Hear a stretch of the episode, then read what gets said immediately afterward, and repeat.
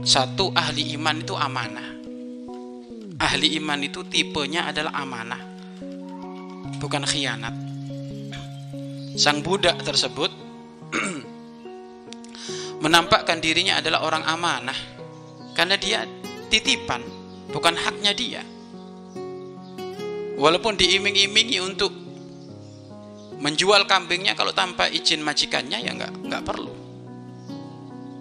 ini seorang budak bukan santri loh fakaifatullah bagaimana santri santri amanah kalau santri nggak amanah kesantriannya itu tergadaikan itu dengan kepentingan pribadinya bukan santri itu santri amanah amanah bagaimana apa yang diucapkan sesuai apa yang ia dengar dari gurunya. Tidak nambahin, tidak ngurangi. Amanah.